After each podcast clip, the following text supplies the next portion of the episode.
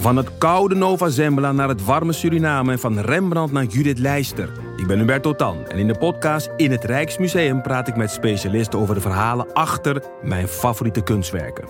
Nieuwsgierig? Beluister nu de nieuwe afleveringen. Je hoort mensen willen zeggen dat het boek beter was dan de film, maar wij van Boeken FM streven naar om de podcast beter te laten zijn dan het boek. Wij lezen de klassiekers die je nog niet gelezen hebt. We lezen de boeken die je heel graag wil lezen, maar waar je eigenlijk voor schaamt om in het publiek mee gezien te worden.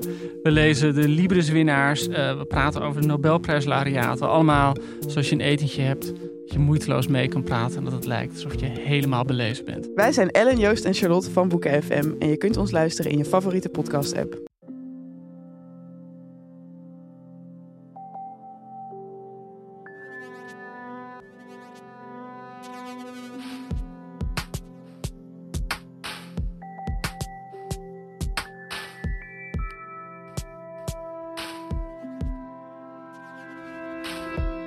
Hey, ik ben Pieter van Relaas. In Relaas hoor je waar gebeurde verhalen en die worden verteld door de mensen die ze zelf hebben meegemaakt. Als we bij Relaas op zoek gaan naar vertellers en we luisteren voor de allereerste keer naar iemands verhaal, dan voel je eigenlijk bijna direct bij sommige verhalen of dat, dat al een litteken of nog een open wonde is. En als we merken dat een open wonde is, dan, dan blijven we daar liever af. We zijn nu eenmaal geen psychologen. Maar Hans, Hans vertelt een verhaal over een litteken uit zijn kindertijd.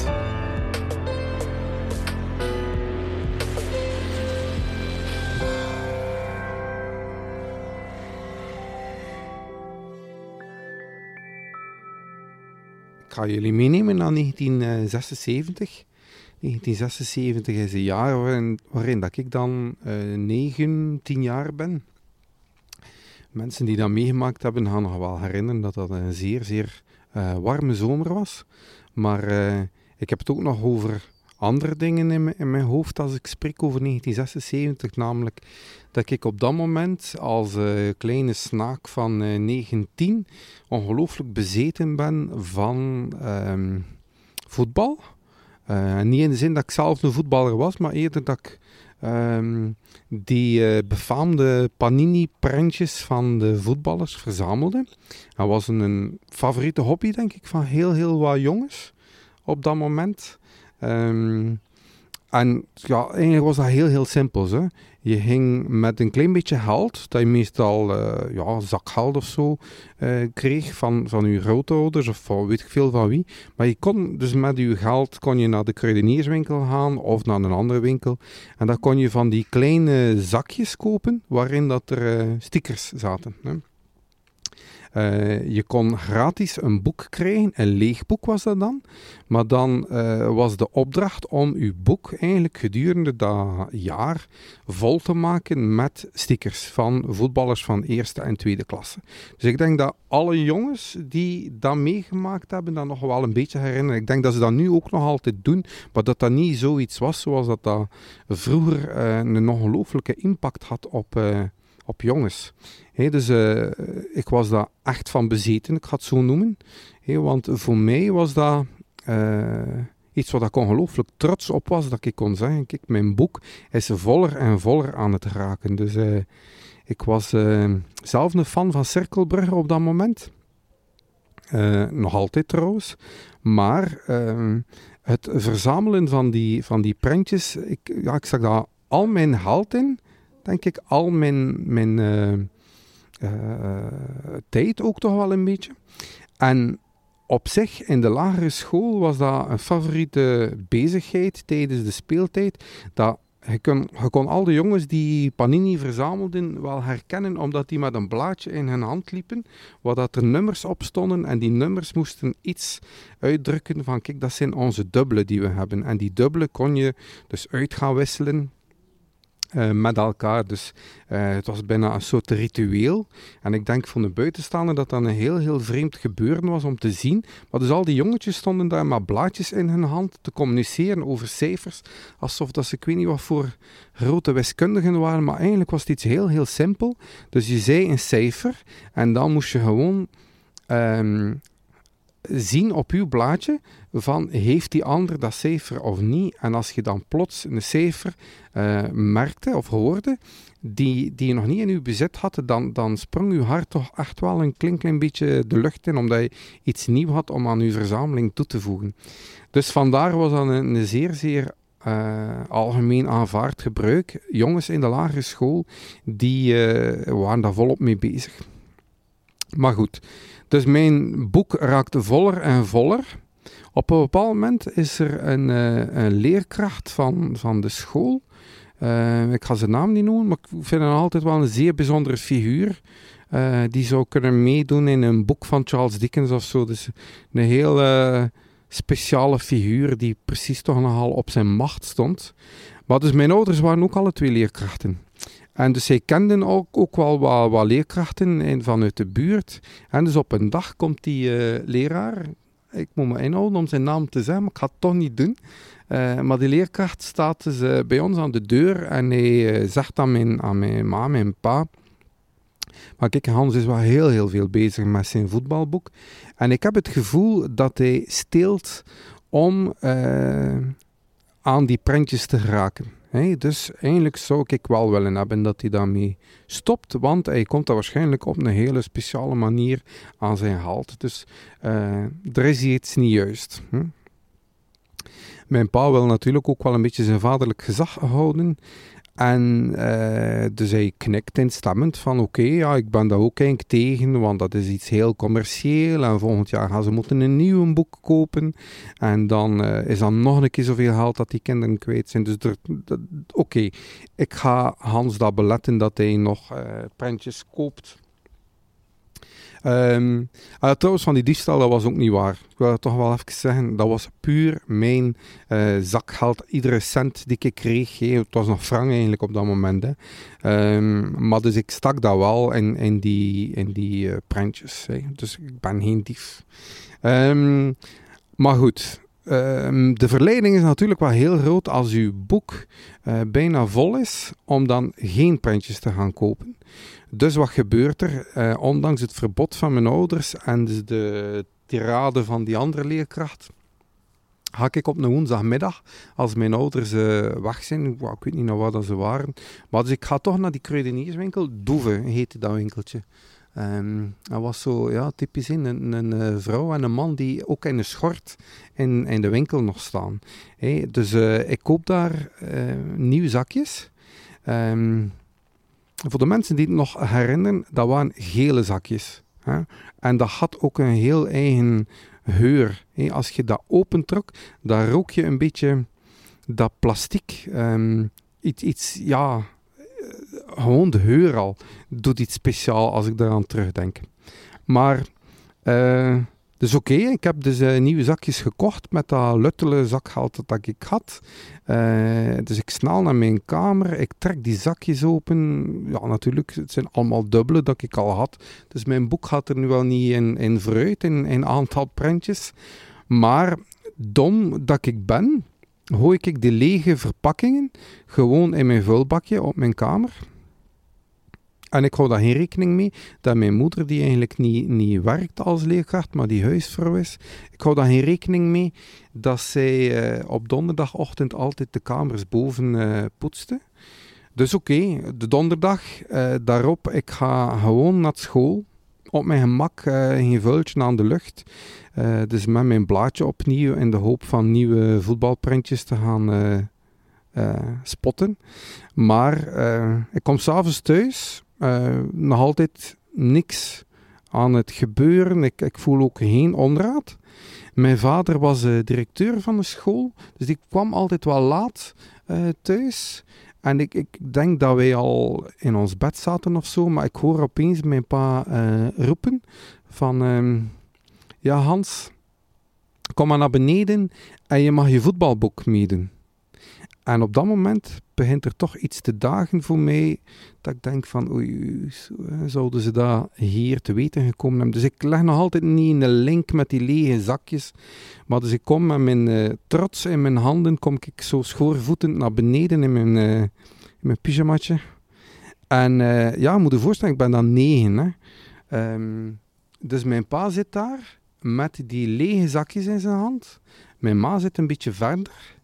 Eh, in, in de zetel. eh, en de directeur van de school is ook aanwezig. Eh, die directeur van de school, die had niks te maken, maar dat hij ook nog een keer kwam een tirade heeft. Ik denk dat hij gewoon op bezoek kwam, omdat hij mijn pa goed kende en dat ze samen gestudeerd hadden of zo. Ehm, maar dus die, die is daar ook aanwezig. En ja, dus mijn pa staat met die lege zakjes in zijn hand en hij zegt naar mij, kijk, wat is dat?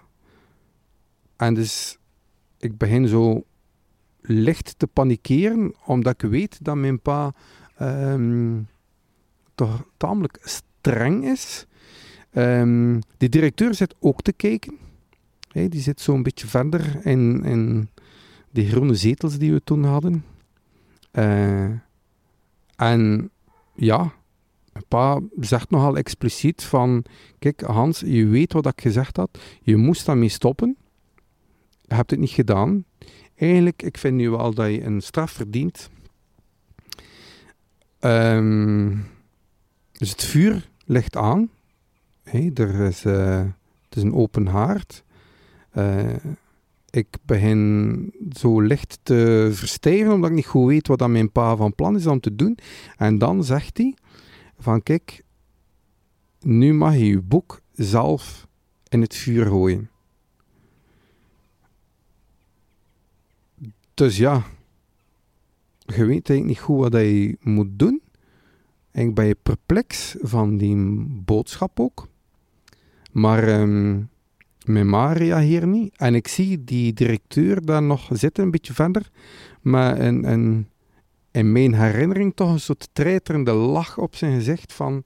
Kijk, het is maar op zo'n wijze dat ze het gaan leren. Ze moeten leren luisteren. Dus ik zie hem dan nog zeggen... En dan verplicht mijn pa mij inderdaad van, kijk, je mag hier nu uw boek zelf in het vuur gooien. Ehm, ja, ik weet eigenlijk niet meer zoveel van wat er dan achteraf gebeurd is, maar, maar ik, ik, eh, ik doe dat dus wel. Ehm, maar voor de rest is dat eigenlijk een grote blackout, alsof dat het zelf allemaal opgebrand is, dat moment zelf. Ik, ik, weet daar echt niks meer van. Eh, ik weet ook niet meer hoe dat ik dan naar boven gegaan ben, maar ik weet wel dat er iets zo in mij, ehm, ja, hoe moet je dat noemen, gebroken is. Iets, iets van, eh, waarom, waarom doe je zoiets als, als volwassene? Dat klopt toch niet? Dat is toch nu ook niet zo erg om, om een kind zo te straffen voor iets. Maar ja, ik weet het niet. Ik, ik, ben een beetje in, in roes, denk ik. Ah, Die, die dag ook. Ik moet naar school gaan dan de dag daarna. En, en ja, het is een baldag, vrees ik. Maar dus ik kom thuis en ik vermoed dat, dat mijn pa toch ook wel een, een, een soort schuldgevoel krijgt. eh, of had op dat moment. Ehm, en hij zegt dan mee van, eh, kijk Hans, je mag meegaan naar eh, de GB, hè, dus het Carrefour van, van nu. Eh, maar je mag meegaan naar de GB en ehm, we gaan postzegels kopen. Hè. Dus zijn reflex was van, kijk, we gaan geen verzameling toelaten van, eh, van die voetballers, maar we gaan dat wel doen dan voor postzegels. Dus dat is, lijkt mij een heilzamere hobby om te hebben. Het is niet zo commercieel. Maar dus ik mag mee naar, naar, naar de winkel, maar ja, je staat dan een beetje verdwaasd. Want ik ah, zijn niet geïnteresseerd in postzegels. Dat is zo'n dode materie. Ik wil die voetballers in die korte broekjes hebben en, en ja, je wil dat hebben. Je wil kunnen weer met, met je blaadje rondlopen op de speelplaats, niet met postzegels. Eh, maar ja, ik stap daarin mee. In, in, in, die, dat idee van postzegels te verzamelen, maar, maar dik tegen mijn goesting, denk ik. Maar gewoon misschien ook wel omdat ik voel van, ja, het is een manier van mijn pa om dat op een of andere manier eh, te compenseren of goed te maken. Maar, maar het, is niet, het is niks van mij. Het is niks van mij. Ehm, maar dus ik blijf wel een beetje hangen met dat verhaal. Eh, en dat is, ja, lastig omdat je voelt van, er is daar toch wel iets gebroken in de relatie tussen, tussen mij en pa. Maar ik, ik, ik weet ook wel gaandeweg van dat mijn pa ook een compleet andere kant heeft. En dat hij eh, daar misschien toch zich ook wel heel, heel schuldig rond voelt. Zeker mijn ma ook. Ehm, die was daar ik wel kapot van, maar dat, dat, dat hing als een soort rood taboe. Alles wat dat te maken had met, met voetbal, met panini, met, met verzamelingen, voelde je dat was een soort ehm, onzegbaar iets aan het worden in ons gezin. En ik had een, een, een, een kleine broer, die een, een toffe gast, maar die er zo af en toe nog een keer de lap durfde opgeven. En dan zo, uh, ook jaren later, hè, dan nog een keer durfde ho gooien op tafel. Ah, Hans, vertel nog een keer van uw boek. Zo in, in een grote groep. En dan voelde je mijn ma en mijn pa verstijven. Niet goed weten wat ze daarmee moesten doen. Maar het was ook niet slecht bedoeld ze, van mijn broer. Maar het was gewoon joh, even dat, dat onzegbare zegbaar maken in de familie, denk ik. Hè. Om dat, dat toch nog een keer te gooien. Maar goed, hé, de jaren gaan voorbij. Uh, mijn voetbalinteresse deint ook wel een beetje weg. En het leven gaat gewoon verder. Dus ik, ik groei op, ik word volwassen. Um, dat gaat allemaal. Dus, uh, maar ik denk dat ik dat verhaal wat ik nu aan het vertellen ben, ik denk dat ik dat niet kon vertellen tot aan mijn 21, 22, zonder een krop in mijn keel te krijgen. Omdat dat mij zo geraakt heeft, dat dat mij toch wel, um, ja, als iets, iets uh, heel, heel moeilijk uh, bijgebleven is. Maar goed, het tweede deel. Dus we zijn dan 2000 en, moet even tellen, ik denk 2007. Um, en uh, ik kom thuis van, van, uh, van het werk. En mijn vrouw zegt van, kijk, ik ben gepasseerd bij uw ouders en ze hebben mij een, iets in mijn handen gestopt, hé, dus zo helemaal verpakt. En uh, het was een aantal dagen juist voor mijn verjaardag dan. Um, en uw pa heeft uitdrukkelijk gezegd, je mag heeft dat aan Hans en Hans mag dat maar open doen op het moment dat hij alleen is. Dus natuurlijk, ja, ik kreeg dat bericht van mijn vrouw. En ik zie die pak liggen. En ik denk van, ja, wat was, was dat nu? Dat zit gewoon ingewikkeld in, in krantenpapier. Dus ik doe dat open. En wat zit er daarin? Een voetbalboek van 1976. Helemaal compleet.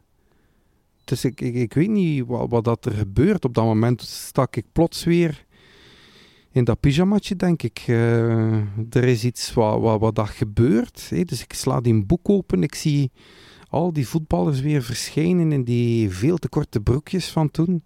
Um, en er zit ook een brief bij van mijn pa. Uh, waarin dat hij eigenlijk heel uitdrukkelijk... Uh, zijn spijt betoont, waarin dat hij ook iets, iets aangeeft van... Uh, kijk, ik loop al jaren mee rond. Ik heb nooit dat iets durven of kunnen mee doen. Uh, met die brief wil ik nu echt zeggen dat dat de grootste fout is die ik gemaakt heb in mijn opvoeding, als mens ook. Dat ik daar heel moeilijk kan mee leven, dat ik het zelf ook niet versta. Dat je mij nog recht in de ogen kan kijken. Uh, want wat ik gedaan heb, dat is eigenlijk onverheeflijk. Um, en bij deze zou ik willen hebben dat je mijn excuses aanvaardt. Dus ik heb een, een, een boek proberen op de kop te tikken voor jou. En um, kijk, ik hoop dat dat, dat dat nu een beetje weer rechtgezet is. Dus ja, dat is toch wel even uh, met de krop in de keel dat je, dat je die brief leest, dat je die boek ziet.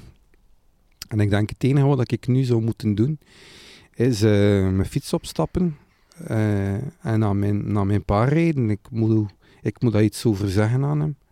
Um, nee, want mijn pa beschrijft dat ook zo in die brief van hoe dat de, de, de ja, het is niet de schuld, maar het trauma, ik ga het zo noemen.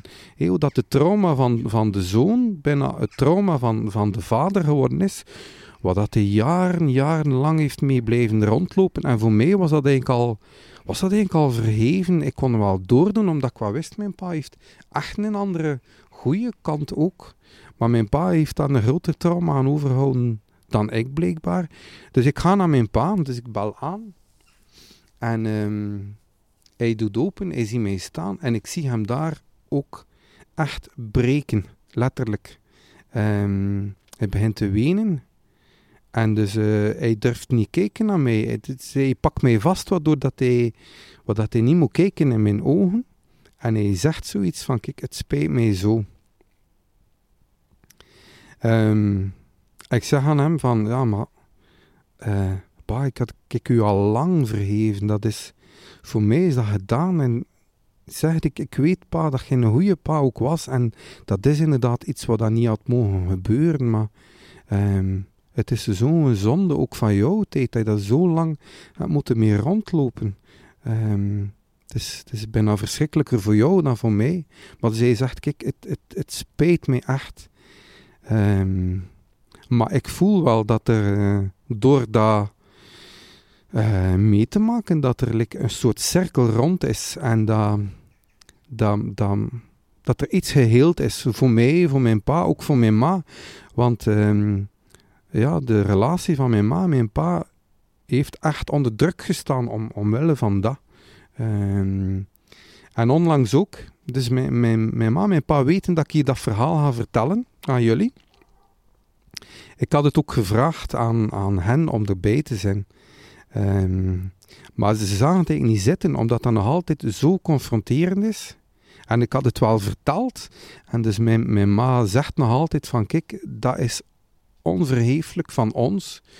Um, en nog, nog altijd. Dus, dus ik had dat nu ja, recent ook gezegd aan mijn pa. Dus mijn pa zegt nog een keer: Echt mijn excuses. Ik, het, spijt mij dat ik dat gedaan heb. Maar um, voor mij is dat verhaal niet alleen zo'n verhaal nu van, van erge dingen die je kunt doen in je leven, maar ook een verhaal van, van ja, een beetje hoop dat, dat iedereen die iets doet in zijn leven, waar dat hij spijt van heeft, dat je daar niet meer mee rondlopen totdat je op het einde van je leven bent en denkt van ik moet daar iets nog mee doen. Maar je kunt dat veel vroeger doen. En in die zin vind ik het een, een mooi, hoopvol verhaal ook. En ik blijf dat zeggen aan mijn ma en mijn pa, van ziet er vooral de, de, het, goed maken in, in plaats van, van de schuld. Want ik wil jullie niet beladen met schuld, maar ik wil jullie ook uh, daarin ja, bedanken van, omdat je dat zo effen gemaakt hebt. En, en in die zin vind ik het een, eh, een mooi verhaal om te vertellen van je kunt erge dingen meemaken, maar je kunt er ook iets mee doen.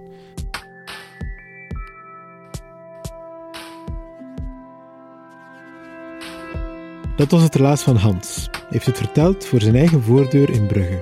Als je goed luistert, dan heb je misschien de vogeltjes horen fluiten. We doen tegenwoordig namelijk voordeursessies van relaas, waarbij dat we bij jou aanbellen, we duwen een microfoon onder je neus en we luisteren naar je verhaal. Ja, het is niet zo zwart-wit. Op voorhand luisteren we uiteraard naar jouw verhaal en we helpen jou dat kneden tot het goed zit. En als je er helemaal klaar voor bent, dan pas komen we bij je deur aanbellen en dan kan je het voor onze microfoon vertellen. Lekker veilig buiten. Als je trouwens zin hebt om zelf eens aan je deur een relaas te vertellen tegen een van onze coaches, dan kan dat altijd. Ook al is het nog maar een idee voor een verhaal, laat ons iets weten. Wij contacteren je, wij helpen jou om van dat idee een echt verhaal, een echt relaas te maken, volgens onze eigen regeltjes van de vertelkunst. En daarna gaan we stap voor stap er verder mee tot het klaar is om voor de microfoon te vertellen. We doen dat trouwens met steun van de afdeling cultuur van de Vlaamse gemeenschap en met die van de stad Gent. Daar kunnen wij niet genoeg dankjewel voor zeggen. Ons team trouwens bestaat uit een hele groep vrijwilligers. Ze coachen, ze presenteren, ze organiseren vertelmomenten, we monteren podcasts. Kortom, er is altijd wel iets te beleven bij Relaas. En we zijn trouwens op zoek naar nieuwe enthousiastelingen die in Brugge mee met ons Relaas uit de grond willen stampen. Dus als je een sociaal netwerk hebt in Brugge en je hebt zin om mee verhalen te gaan zoeken daar en mee te coachen en daar ook verhalen te organiseren of vertelavonden te organiseren, laat ons dat zeker weten. En ik vergeet ook niet om jou te bedanken. Hè. Jij, jij trouwe luisterdier van ons, dank je wel om week na week onze podcast te verslinden. Wij houden van jou.